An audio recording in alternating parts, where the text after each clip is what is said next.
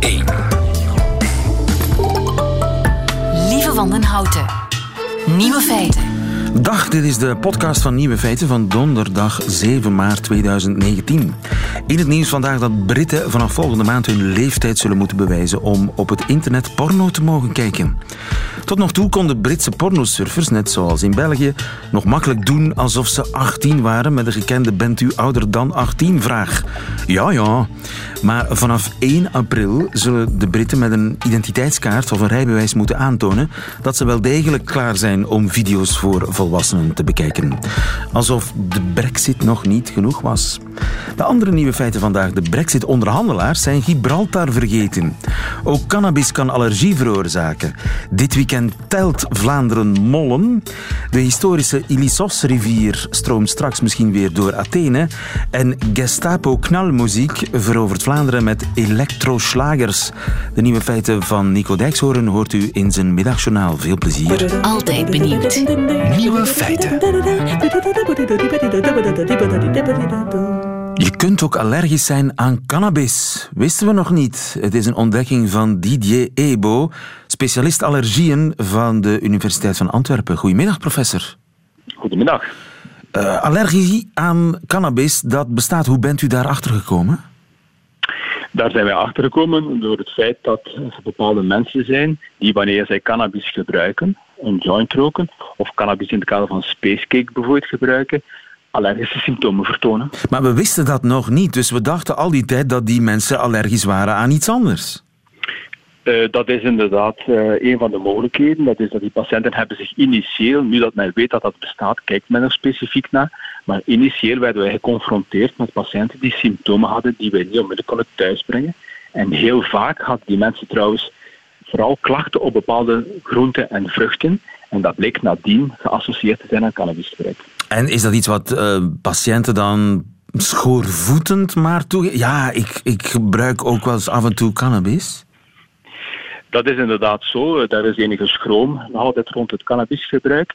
Wanneer die patiënten op de consultatie komen, zoals reeds gezegd, de meeste die bieden zich aan met bepaalde groente- en fruitallergieën. En het is maar schoorvoetend inderdaad dat wanneer wij de duimschroeven als het ware aanhalen, dat er wordt toegegeven dat er cannabis wordt gebruikt enerzijds en ook dat er heel vaak op dat moment symptomen, allergische symptomen bestaan wanneer ze de cannabis gebruiken. En tegenwoordig heb je uh, veilige cannabis of zogezegd legale cannabis. In ieder geval, er zijn van die winkeltjes waar je, ja. je bewerkte decaffiné cannabis bij wijze van spreken kan, uh, kan kopen. Zou dat daar ook voor gelden? Wel, uh, u moet een onderscheid maken tussen de cannabis decafeiné, zoals jij hem noemt, ja. waarbij dus lagere concentraties aan THC aanwezig zijn. Ja? Dus die dus minder gevaarlijk zijn, als ik het zo mag, mag zeggen. Maar die alleen kalmeren, die niet hallucinerend zijn. Voilà. Maar de, aller, de allergie zoals wij die vandaag zien, en ik kan natuurlijk niet uitsluiten dat er in de toekomst nog andere zaken gaan zijn, maar de allergie die we vandaag zien is niet op basis van de THC. En als men spreekt over cannabis decafeiné, om die term te gebruiken, dan heeft men het over de THC, ja. maar niet over de eiwitten die verantwoordelijk zijn voor de allergie. En het zijn die eiwitten natuurlijk. En die eiwitten die zitten ja, gewoon in de, in de bloem. Voilà, het zijn inderdaad de verdomde eiwitten die verantwoordelijk zijn voor de allergie. En de, de symptomen, is, is, kun je daaraan iets zien? Is dat, of is dat gewoon allergie? Er zijn geen specifieke symptomen voor een cannabisallergie. De, de symptomen die wij het meest zien, dat zijn neus, oog- en longklachten. Dus neusloop, niezen, verstopte neus, traande ogen, jeukende ogen, rode ogen, piepende ademhaling, kortademigheid, dikke lippen, dikke tong. Op het moment dat er een joint wordt gerookt. En een ander symptoom die we heel frequent zien, dat is wanneer de persoon zijn cannabis joint rolt of zijn plantje onderhoudt, zal ik maar zeggen. Dan heeft hij op het moment dat hij contact maakt met de cannabis, jeuk, uh, vlekjes, uh, zwellingen ja. van de vingers. Ja. En als hij dan toevallig in zijn ogen wrijft, begint hij te tranen en zo. Rode ogen, jeukende ogen. Ja, en dan is de boodschap gewoon uh, uit de buurt blijven van cannabis op alle mogelijke manieren. Dat is inderdaad de enige correcte boodschap. Dankjewel DJ Ebo, goedemiddag. Goedemiddag. Nieuwe feiten. In Athene zakt de tram weg. Maar dat is goed nieuws, want nu krijgt het volk van Athene misschien zijn oude rivier terug. Goedemiddag, Bruno Tersago. Goedemiddag, lieve. Onze man in Athene. Het tramverkeer op een van de belangrijkste lijnen van Athene dat ligt al maandenlang stil. Wat is het probleem? Wel, inderdaad, er is een, een verschuiving geweest uh, over een rivierbedding. En wat is dat eigenlijk? Uh, men heeft hier oude rivieren uh, die nog steeds ja, water in de bedding hebben staan. Men heeft die allemaal overkapt. En op die overkapping heeft men nu een tramlijn aangelegd voor de Olympische Spelen. Um, maar natuurlijk heel erg stabiel was dat niet. En die tramlijn is beginnen wegzakken. Uh, met als gevolg dat de tram zelf niet meer door dat deel van het traject kan rijden. Dus onder een van de belangrijkste boulevards van Athene stroomt een rivier. Inderdaad, voor degenen die al in Athene zijn geweest, het is het stukje tussen de tempel van Zeus Olympus en het oude Olympische stadion. Dus echt hartje uh, Athene. Daar stroomt een rivier, maar die zie je niet, want die is volledig overkapt. En welke rivier is dat? Dat is de rivier Ilissos, een rivier die al gekend is uit de oudheid, die eigenlijk ook een mythologisch karakter had. Um, er wordt naar verwezen, naar deze rivier, in uh, allerlei geschriften, ook van Plato bijvoorbeeld. Um, en ja, hele oude rivier. Uh, aan de boorden van die rivier zou Socrates um, wat uh, gesprekken hebben gevoerd met zijn sparringpartners, zijn filosofische sparringpartners. Ehm, daar zouden nog andere dingen zijn gebeurd, zoals een god die een meisje zou hebben verleid, de god Boreas. Um, die we in het nieuwe Grieks Vorias noemen, en dat is de noorderwind. Um, dus al dat soort dingen die zijn gebeurd aan de boorden van de Ilissos, de rivier die dus nu overkapt is en waar een tramlijn overloopt. Maar dat is toch ondenkbaar? Dus in Athene hebben ze een rivier die genoemd wordt in de geschriften van Plato en Socrates. En ze stoppen hem onder de grond. Wel, het is zelfs niet eens de enige rivier in Athene die onder de grond is gestopt. Um, ik woon zelf in Piraeus, dus dat is, niet, dat is aan zee en dat is niet zo ver van de mondingen van die rivieren. Daar zie je dus wel rivieren van onder het beton uitkomen en in, in de zee uitmonden.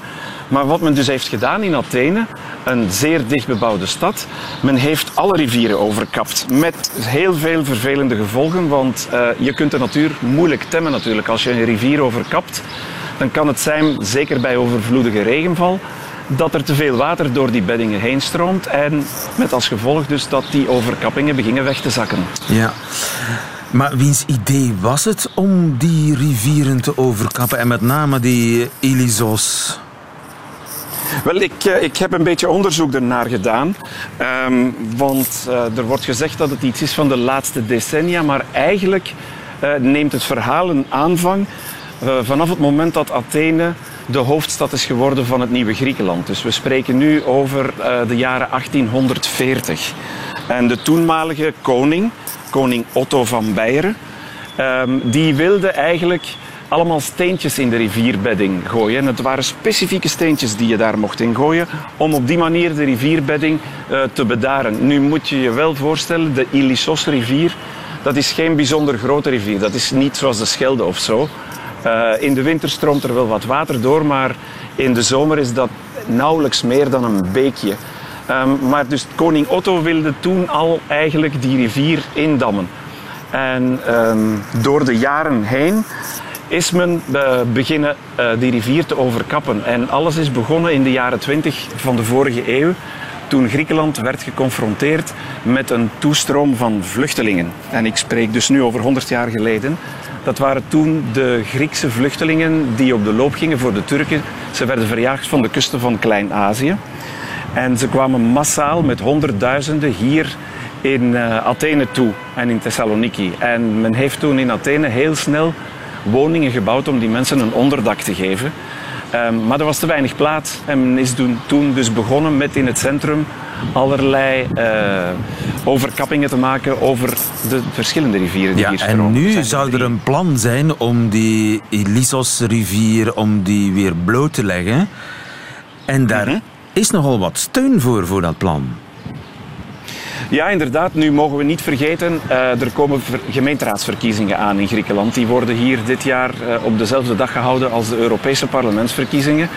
En het is een voorstel van een burgemeesterskandidaat om de rivier niet opnieuw te overkappen en die tram daarover te laten rijden, maar om echt de rivier open te leggen en toegankelijk te maken voor het publiek omdat het toch ook uh, de mythologische en de historische dimensie van die rivier kan tonen. En dat eigenlijk ook een beetje de archeologische sites in het centrum van Athene met elkaar kan verbinden. Ik zei net al dat de Ilissos stroomt in het, uh, in het stukje tussen de tempel van Zeus Olympus en het oude Olympische stadion. Dus als die rivier open blijft, kun je dus eigenlijk langs de rivierbedding van het ene archeologische site naar de andere stappen. Dus dat is op zich wel iets waar mensen voor gewonnen zijn. Ja, dus wie weet zal het ooit gebeuren. Athene kan in ieder geval wat eh, extra charme gebruiken. Dankjewel. Op straat in Athene voor ons, Bruno Tersago. Goedemiddag.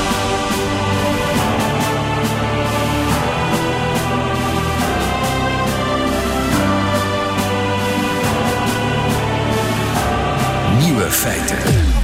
Zouden ze Gibraltar niet vergeten zijn? Hoe moet het verder met Gibraltar na de brexit? Heeft iemand daar eigenlijk aan gedacht? Hendrik Vos, goedemiddag. Hey, goedemiddag, lieven. Professor Europa van de Universiteit van Gent. Nog 22 keer slapen en dan is het zover. Dan verlaat de UK de EU. Met of zonder deal. Stel nu dat die uh, deal van May, hè, dat hij het toch nog haalt op de valreep. Staat daar iets in over Gibraltar? Heel weinig. Er staat eigenlijk in dat in een overgangsperiode alles zal blijven zoals het nu is.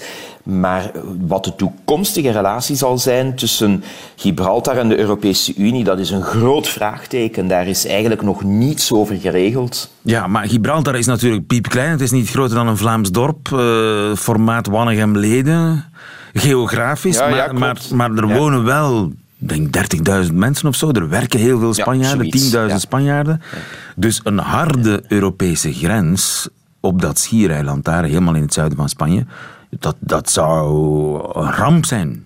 Ja, dat zou een enorm effect hebben, hè, want die economie van Gibraltar die is, die, die haakt volledig in op wat er in Spanje gebeurt. Het is, ja, het is een beetje een, uh, zo'n soort uh, taxhaven, zo een, een, een gebied waar dat minder belastingen moeten betaald worden, maar voor de rest, als het gaat over toerisme, maar ook als het gaat over gokkantoren, uh, financiële diensten, dan ja, is het eigenlijk heel sterk verbonden met wat er in Spanje gebeurt. En, en er is ook heel veel verkeer tussen Gibraltar en Spanje.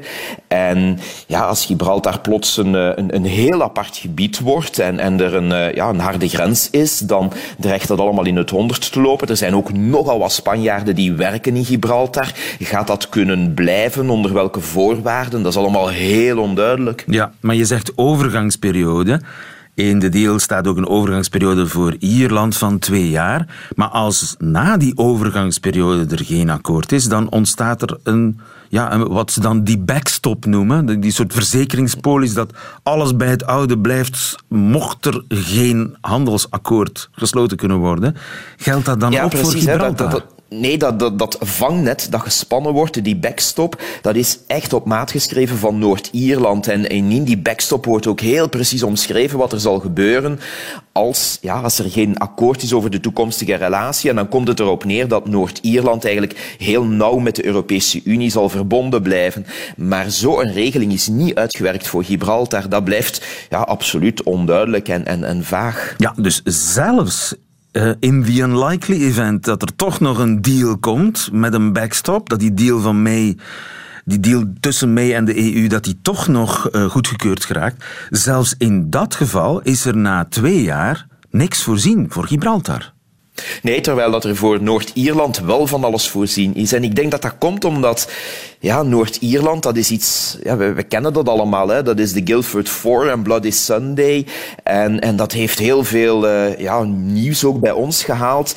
Terwijl dat Gibraltar in, in heel Europa veel onbekender is. Hè. Het is ook veel kleiner, het is minder hot, het is minder brandend. Het is, een, ja, het is uiteindelijk een, een, een rots waar wat speciale vogels zitten en een apenkolonie, maar voor de rest nog geen zeven vierkante kilometer groot. Hè. Je zei het daar net zelf, het is een uit de kluiten gewassen dorp. Dus dat maakte dat, er, eh, ja, dat, dat het een beetje vergeten is geraakt en dat er veel minder aandacht naar gegaan is. Ja, en stel dat die deal er niet komt, stel dat het een harde brexit wordt, wat zogezegd niemand wil, maar ja, als er niets gebeurt, ja, dan is die harde brexit een feit op 29 Dan steven maart. je daarop af, dat is waar. Dan is, dan is het zelfs niks. Allee, bedoel, dan is er zelfs geen overgangsperiode. Nee, dat zou betekenen dat er dan uh, ja, onmiddellijk grenscontroles moeten komen, dat het uh, veel lastiger zal zijn om daar te gaan werken, dat er onduidelijkheid zal zijn over het statuut ook. Zeker ook de handel uh, zal op dat moment heel sterk verstoord zijn. En ja, dan, dan ga je naar een, een situatie die heel chaotisch zal zijn. In, ja, in, in, in alle plekken die ergens met Groot-Brittannië handelen zal dat zo zijn, maar Gibraltar, waar dat, ja, waar dat zo concreet is, waar je echt met een, ja, zeg maar een Britse landsgrens zit uh, met de rest van de Europese Unie, zal dat heel goed voelbaar worden. Hè? Precies omdat ja, die rots zo afhankelijk is van, van betrekkingen met de Europese Unie. Ja, dat is gewoon game over hè, voor Gibraltar. Daar kun je gewoon nauwelijks nog iets doen. Ja, je, je, voelt dan aan dat Spanje zal proberen ja, Gibraltar los te weken. Hè. Gibraltar liever is zo'n beetje per ongeluk in Britse handen gevallen, uh, eeuwen geleden. En, en is dat altijd gebleven. Maar Spanje is daar altijd op blijven azen. En, en heeft altijd eigenlijk blijven proberen om ja, de soevereiniteit over Gibraltar terug te winnen. En de Spanjaarden zullen zeker van dat moment gebruik maken om te zeggen van ja, als we chaos willen vermijden, dan, ja, dan is het misschien wel slimmer om Gibraltar nu weer een stuk van Spanje te laten zijn. Ah, het is een militair optreden. Maar zover zal het wel niet komen. Hè. Gibraltar heeft ook nog altijd wel een Britse legerbasis. Dus ik denk dat niemand zit te wachten op een, Oorlog. een gewapend conflict. Ja. Zeker niet om, om, om zo'n rots met wat vogels en wat apen. Maar um, ja, het, het, het, het, zal toch wel de spanningen doen stijgen. Dat heel zeker. Alsof het nog niet ingewikkeld genoeg is. Dankjewel, Hendrik Vos. Goedemiddag. Graag gedaan. Tot later. Nieuwe feiten. Radio 1. Wanneer was het? Dikke maand geleden, denk ik. Moesten we met z'n allen vogels tellen. Dit weekend mollen. Dirk Drouwlands, goedemiddag. Goedemiddag, lieven. Dirk, onze huisbioloog, journalist van Knak ook. Natuurpunt organiseert voor het eerst sinds 2003 een mollentelling. Ik wil wel meedoen, Dirk, maar ik heb nog nooit een mol gezien. Dat is jammer, lieven, want dat kan wel eens. Uh, af en toe komen mollen wel eens boven de grond. Echt Zeker waar? als de jongen... Ja, ja, als de jonge mollen verjaagd worden door hun moeder uit het gangenstelsel, dan uh, moeten die naar boven en die hebben dan nog niet de kracht eigenlijk om zelf gangen te gaan graven. Dus die moeten eigenlijk een beetje rondwandelen, bij wijze van spreken, tot ze een goede plek gevonden hebben. En waar dat dus betekent een plek waar dan nog geen andere mol zit. En daar kunnen ze dan op een gemakje beginnen uh, graven. Maar omdat ze dus nog wat jong en niet krachtig genoeg zijn, is dat een ja, moeizaam proces. En maar dus mollen periode... worden verjaagd door hun moeder? Ah ja, dat is uh, de klassiek in de natuur. Hè. Op een gegeven moment is het gedaan met het voederen door de moeder. Actief en het, uh... verjaagd, gewoon weg, Ja, ja weg, ze worden echt... Ze moeten, weg, ze moeten echt weg. Ja, mollen leven nooit samen. Hè. Dus mollen leven allemaal altijd apart in hun eigen territorium, zowel mannen als vrouwen. En alleen nu zo ongeveer, als er, als er in de paartijd, dan gaan mannelijke mollen op zoek naar een gangenstelsel van de vrouw. Mogen ze daar ook binnen en dan komt er de paring en dan zijn de mannen terug weg.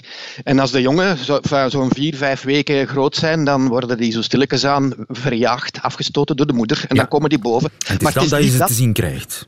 Ja, dan zie je ze, dan, dan, en dan zie je ook reigers en, en, en buizerds en zo, mollen vangen het. Dat is zo, dat, ja. Maar dat is niet hetgeen dat men gaat tellen met Natuurpunt. Dus, want nu zijn die er nog niet, die jongen. Dus wat dat men vraagt van Natuurpunt is eigenlijk ja, dat mensen foto's nemen van de molshopen, de molshopen in hun tuin tellen en dat dan eventueel doorgeven. Dus men gaat proberen de verspreiding van de mol in kaart te brengen aan de hand van Aha. het voorbeeld van molshopen. En telt elke molshoop voor een mol? De meeste tuinen eh, zullen maar één mol hebben. Dus alle molshopen die je daar ziet, die zijn dan afkomstig van één en dezelfde mol. Men schat dat er zo per hectare, en dat is natuurlijk een stuk groter dan een doorsnee tuin, zo, zo een tiental mollen eh, zitten, gemiddeld gesproken dan. Dus de meeste tuinen zullen er maar één hebben. Dus als je dus in jouw tuin een molshopen ziet, heb je daar een mol.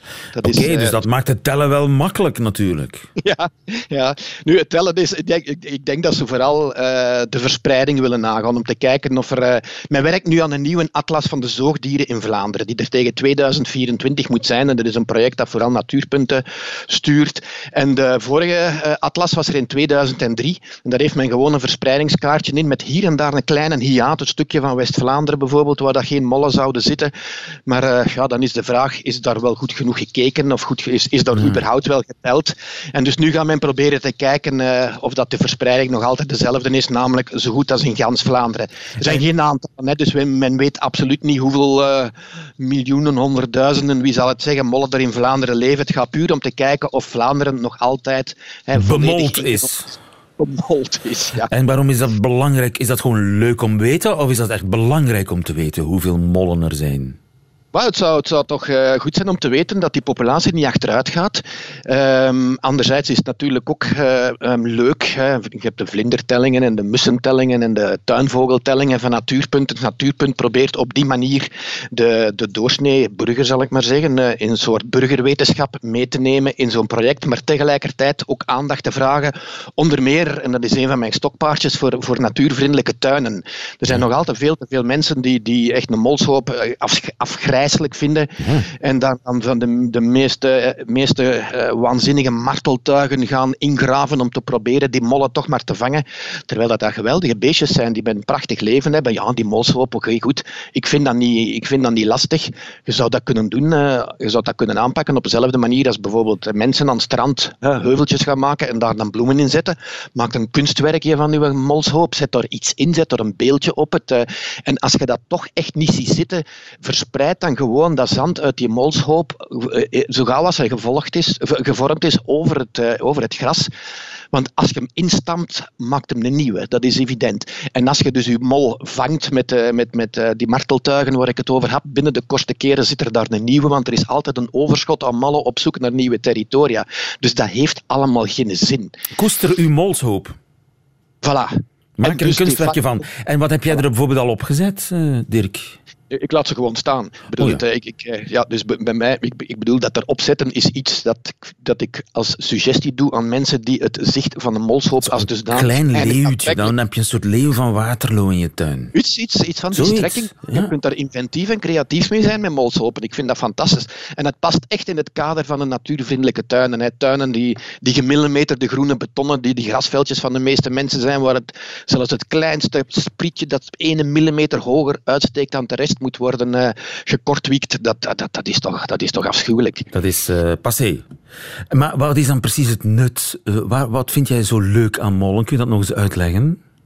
Maar mollen, ik, ik, ik ben niet iemand die per se vindt dat de natuur nut moet hebben. Hè. Hoewel dat in het geval van de mol wel zo is. Die, die, eh, door die gangen dat die graven, uh, verlucht die de bodem. Uh, heeft hij ook meer waterdoorcijpeling. En doorcijpeling van water is tegenwoordig een groot thema in het, in het Vlaamse landschap dat met watertekort in de grond te kampen krijgt. Dus het, die, die pakken ook engerlingen en, en, en emelten. Dus, dus voor de landbouw toch wel wat schadelijke insecten. Dus ze doen eigenlijk wel nuttige dingen als het moet. Ze eten vooral regenwormen. Hè. Dus dat is, dat is een hoofd voedsel, maar ze kunnen wel nuttig zijn. Maar in zee, ik vind dat prachtige diertjes, omdat die zo echt een biotoop uh, uitge, uitgeplozen hebben en gevonden hebben en volledig dus, uh, dus hun levensstijl erop aangepast hebben, waar dat wij eigenlijk amper iets van zien. Maar ze hebben een andere soort bloedsvorming om het gebrek aan zuurstof wat te compenseren. Ze hebben kleine oogjes waar ze amper iets mee zien, tenzij dat ze boven de grond zitten, omdat ze toch niks nodig hebben. Het, ze hebben een aangepaste dag- en nachtcyclus, omdat ze in principe de zon en de maan niet zien. Dus, het, uh, dus die hebben een fantastisch mooie evolutionaire aanpassing aan dat ondergronds biotoop. En daarvoor alleen al vind ik het uh, meer dan waardevol van ze te koesteren. Leven de mol, ik tel mee. Dankjewel, Dirk Drouwlands. Goedemiddag.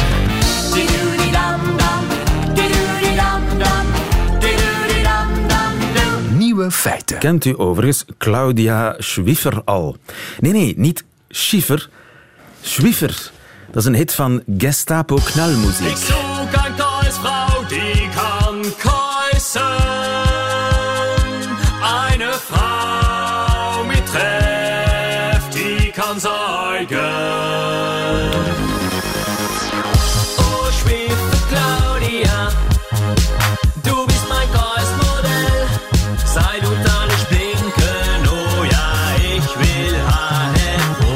Claudia, vorige week in een uitverkochte Trix in Antwerpen. Later dit jaar volgen nog optredens in Gent in de Vooruit, in het Depot in Leuven en in de AB in Brussel. Een ware blitzkrieg van Gestapo-Knallmusik. Melodische und tanzbare Beats, zusammen mit catchy Zangleinen, über Unterwerfen, die Tabus nicht meiden. Das ist, wie sie das Repertoire von Gestapo Knallmusik das Beste konnte umschreiben. Omschrijven, ja, uit de documentaire over Gestapo-Knallmuziek. Goedemiddag uh, Stein en goedemiddag Janouk. Ik Jawohl, kijk, goedemiddag. Wie, wie- je ziet er ook prachtig uit. Dankeschön. Dankeschön. Du auch? Eh, dank, dank u. Met, eh, is dat jouw pyjama die je aan hebt? Äh, ja, das ist mein Pyjama-Brucke und das ist so komfortabel, dass das hat beschlossen, um das nooit mehr auszutun. En is dat een gilet jaune die je hebt, een geel hesje? Of nee, dat is Nein, een- nein, das ist jetzt, ich trage da jetzt für die Gilet Jaune-Bewegung. Ja, Das dat ist is eine een, gele Regenjas. een gele regenjas. En eh, jij bent eh, Stein, hè? Ich bin Stein. En Janouk, eh, kom jij uit Duitsland? Jawohl, wir sind alle drei afkomstig von Berlin. Berlin? Berlin, in Deutschland. Oké. Und äh, Umstandigkeiten sind wir terechtgekommen ins Belgien und nu haben wir da ein Haus gehört. Een huis gehuurd. En eh, die documentaire hebben jullie zelf gemaakt over Das kloppt in Samenwerking mit die deutsches Televisionsender DFK. DFK? Nooit van gehoord. Deutsches Fernsehkanale. Oké. En zou je kunnen zeggen dat jullie de Duitse slagermuziek hebben een, een up- update gegeven en weer populair gemaakt bij de jeugd? Ja, wir zouden nicht echt sagen, dass es effektiv Schlager ist, aber wir schnapfen wel, dass die Sangleinen ein bisschen Schlager-Invloeden haben. Het is een soort eh, Neue Deutsche Welle meets eh, slagermuziek. Ein klein bisschen so, ja. Die Musik ist ein, die Schlager in einem modernen Jasche, glaube ich, und die Sangleine sind ein bisschen beeinflusste Schlager. Ja, Krautschlager. Krautschlager, ja. Das ist gut, das ist ein gutes Term. Krautschlager. Kraut-Elektroschlager. Ja. Kraut-Elektroschlager. Pu- Pudding, misschien er nog bij. Pudding, ja, warum nicht? Waarom niet? Das ist Eh, gut. Lecker. Jullie mijden ook de taboes niet. Eh, pijnlijke onderwerpen komen ook aan bod. Noem eens een paar van die onderwerpen. Na, Toilettpapier gestört oder Heel die Dag Porno, unsere neue Single. Komasaufen. Komasaufen. Komasaufen. En waar gaat Komasaufen over? Es geht über Komasaufen. Ganz viel Bier trinken oder starken Trank. Und ja, wenn sie zu viel trinkt, die wissen das, dann kann es sein, dass ihr einen Blackout habt und auf die Grund fällt und misschien die volgende dag wakker wordt in das Ziekenhaus. Ja, en, en vanwaar die aandacht voor de, de moeilijkheden van, eh, van de mensen? Ja, wir finden misschien dass das nicht genug über wordt gezongen in das Musik von vandaag. Äh, dus we willen das bespreekbaar maken voor iedereen. En Ja. waar gaat Schlapferschwans over? Ja. Das ist eigentlich die enigste Cover, das wir haben. Das war eine Cover von Banger Hart von Rob Das Nice. Rob, Das Rob, Nice. das, Rob de Nijs bedoel je? Ja, wir sagen Rob Das Nice. Und wir haben da eine Cover von gemacht, aber wir dachten, wir gehen nicht die Text übernehmen. Wir haben da an einen anderen Text aufgesetzt. Letzte Freitag was ist mir ins Müll gefallen. Ich lag im Bett und ich war klar für ihren Leid. Ich kwam ins Kijken, maar er was schnell umgefallen. Er ist kein Schlafverschwanz,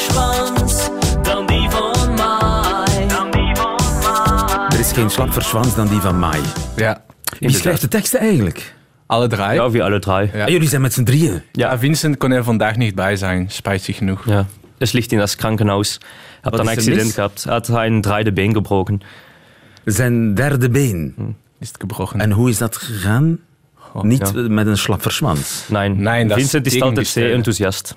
Zeker wanneer hij naar die Teletubbies kijkt. Und gisteren was eine Marathon für die Teletubbies. Es was ein bisschen... Er hat zu hard gekeken. Ja, eh, jullie succes, hè, daar wil ik het even over hebben. Dat is eh, de voorbije eh, jaren alleen maar gegroeid en zit echt in een soort stroomversnelling. Ik ging bijna inderdaad. zeggen stroomversnelling, maar Ja, eine Strömversnelling. Wir verschieden elk Jahr. Want ich weiß noch, dass wir vier Jahre geleden dachten van, wow, es ist ha ganz hart umplofft, weil es ist sehr groß geworden. Und elk Jahr kommt da so ein, ein ein, äh, ein bisschen extra. en het ja. publiek is extatisch. Ja, sie waren sehr gut mee. Zeker in die Tricks vorige Woche.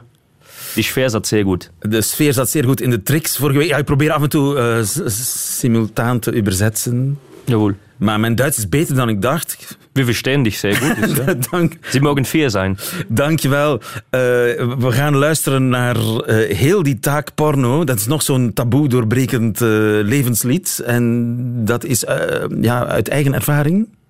Äh, das ist ein Freund von uns, hat das hat mitgemacht. Een vriend? Er hat die Tag viel zu viel Porno gekeken. Und ja, er ist ein bisschen slecht beginnen sehen. Er sieht ein klein bisschen scheel nu, aber die Doktor hat gezegd dat das wel goed komt. Gestapo knalmuziek. Waar komt die naam overigens vandaan? G- Gestapo, is dat niet een beetje... Ja, wir schnappen, dass das also ein bisschen faul in die Ohren klingt, aber das ist eine Samenvoeging von die Voornamen von unseren Vaters. Dus wir haben Gerald, Stanny und Patrick. Patrick? Ja, wir haben nichts zu machen mit Dat waren de namen van jullie vaders? Ja, das sind die Namen von unseren En Vaters. dat is toevallig? Ja, Ja. Das, ist, dat kwam sehr schlecht aus. Oké. Waar wonen jullie ergens? In die Kämpfen momenteel. Veel plezier daar in de campen. En eh, bij de, de talrijke optredens die er aankomen, een ware blitzkrieg van ja, eh, de Slager 2 2.0, zal ik maar zeggen. hè. Nieuwe Dat feiten. Dankjewel. Yannick en Stein. Tschüss. Middagjournaal. Beste luisteraars, niet zo lang geleden was ik met mijn dochter naar het strand. Ik parkeerde mijn auto in een parkeergarage onder de duinen. We stapten uit en ik vroeg mijn dochter wat ze ervan vond. Ze vroeg waar ik het over had. Pap, we staan nog in de parkeergarage. Ja, precies, zei ik. En wat vind je ervan? Ik maakte een wijds gebaar. Mijn dochter keek naar de geparkeerde auto's. Ik zei: Deze parkeergarage die heeft een prijs gewonnen. Het is de mooiste parkeergarage van Nederland en daar staan wij nou gewoon middenin. Kijk dan, kijk dan hoe mooi.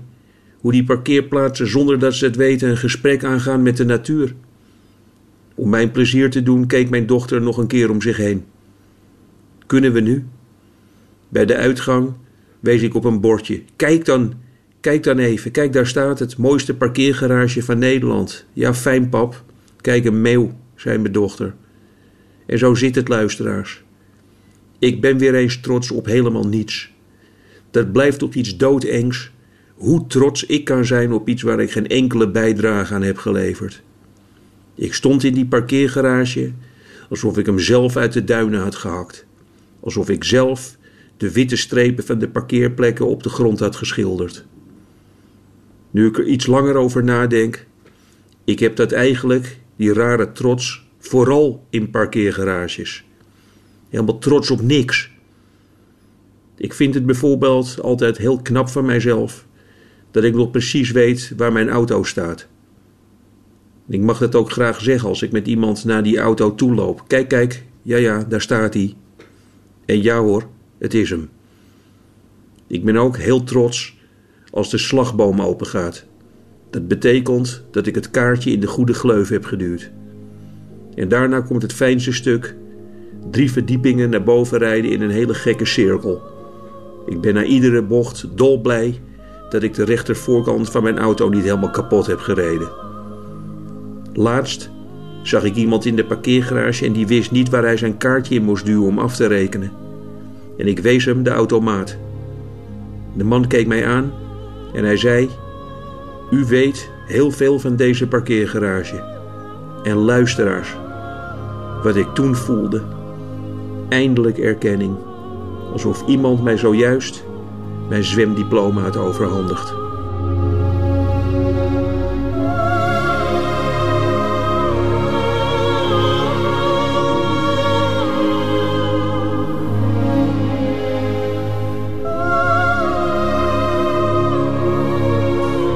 Nico Dijkshoorn in de parkeergarage in het middagjournaal. Einde van deze podcast. U vindt er nog veel meer op radio1.be en op de gebruikelijke podcastkanalen. Tot volgende keer.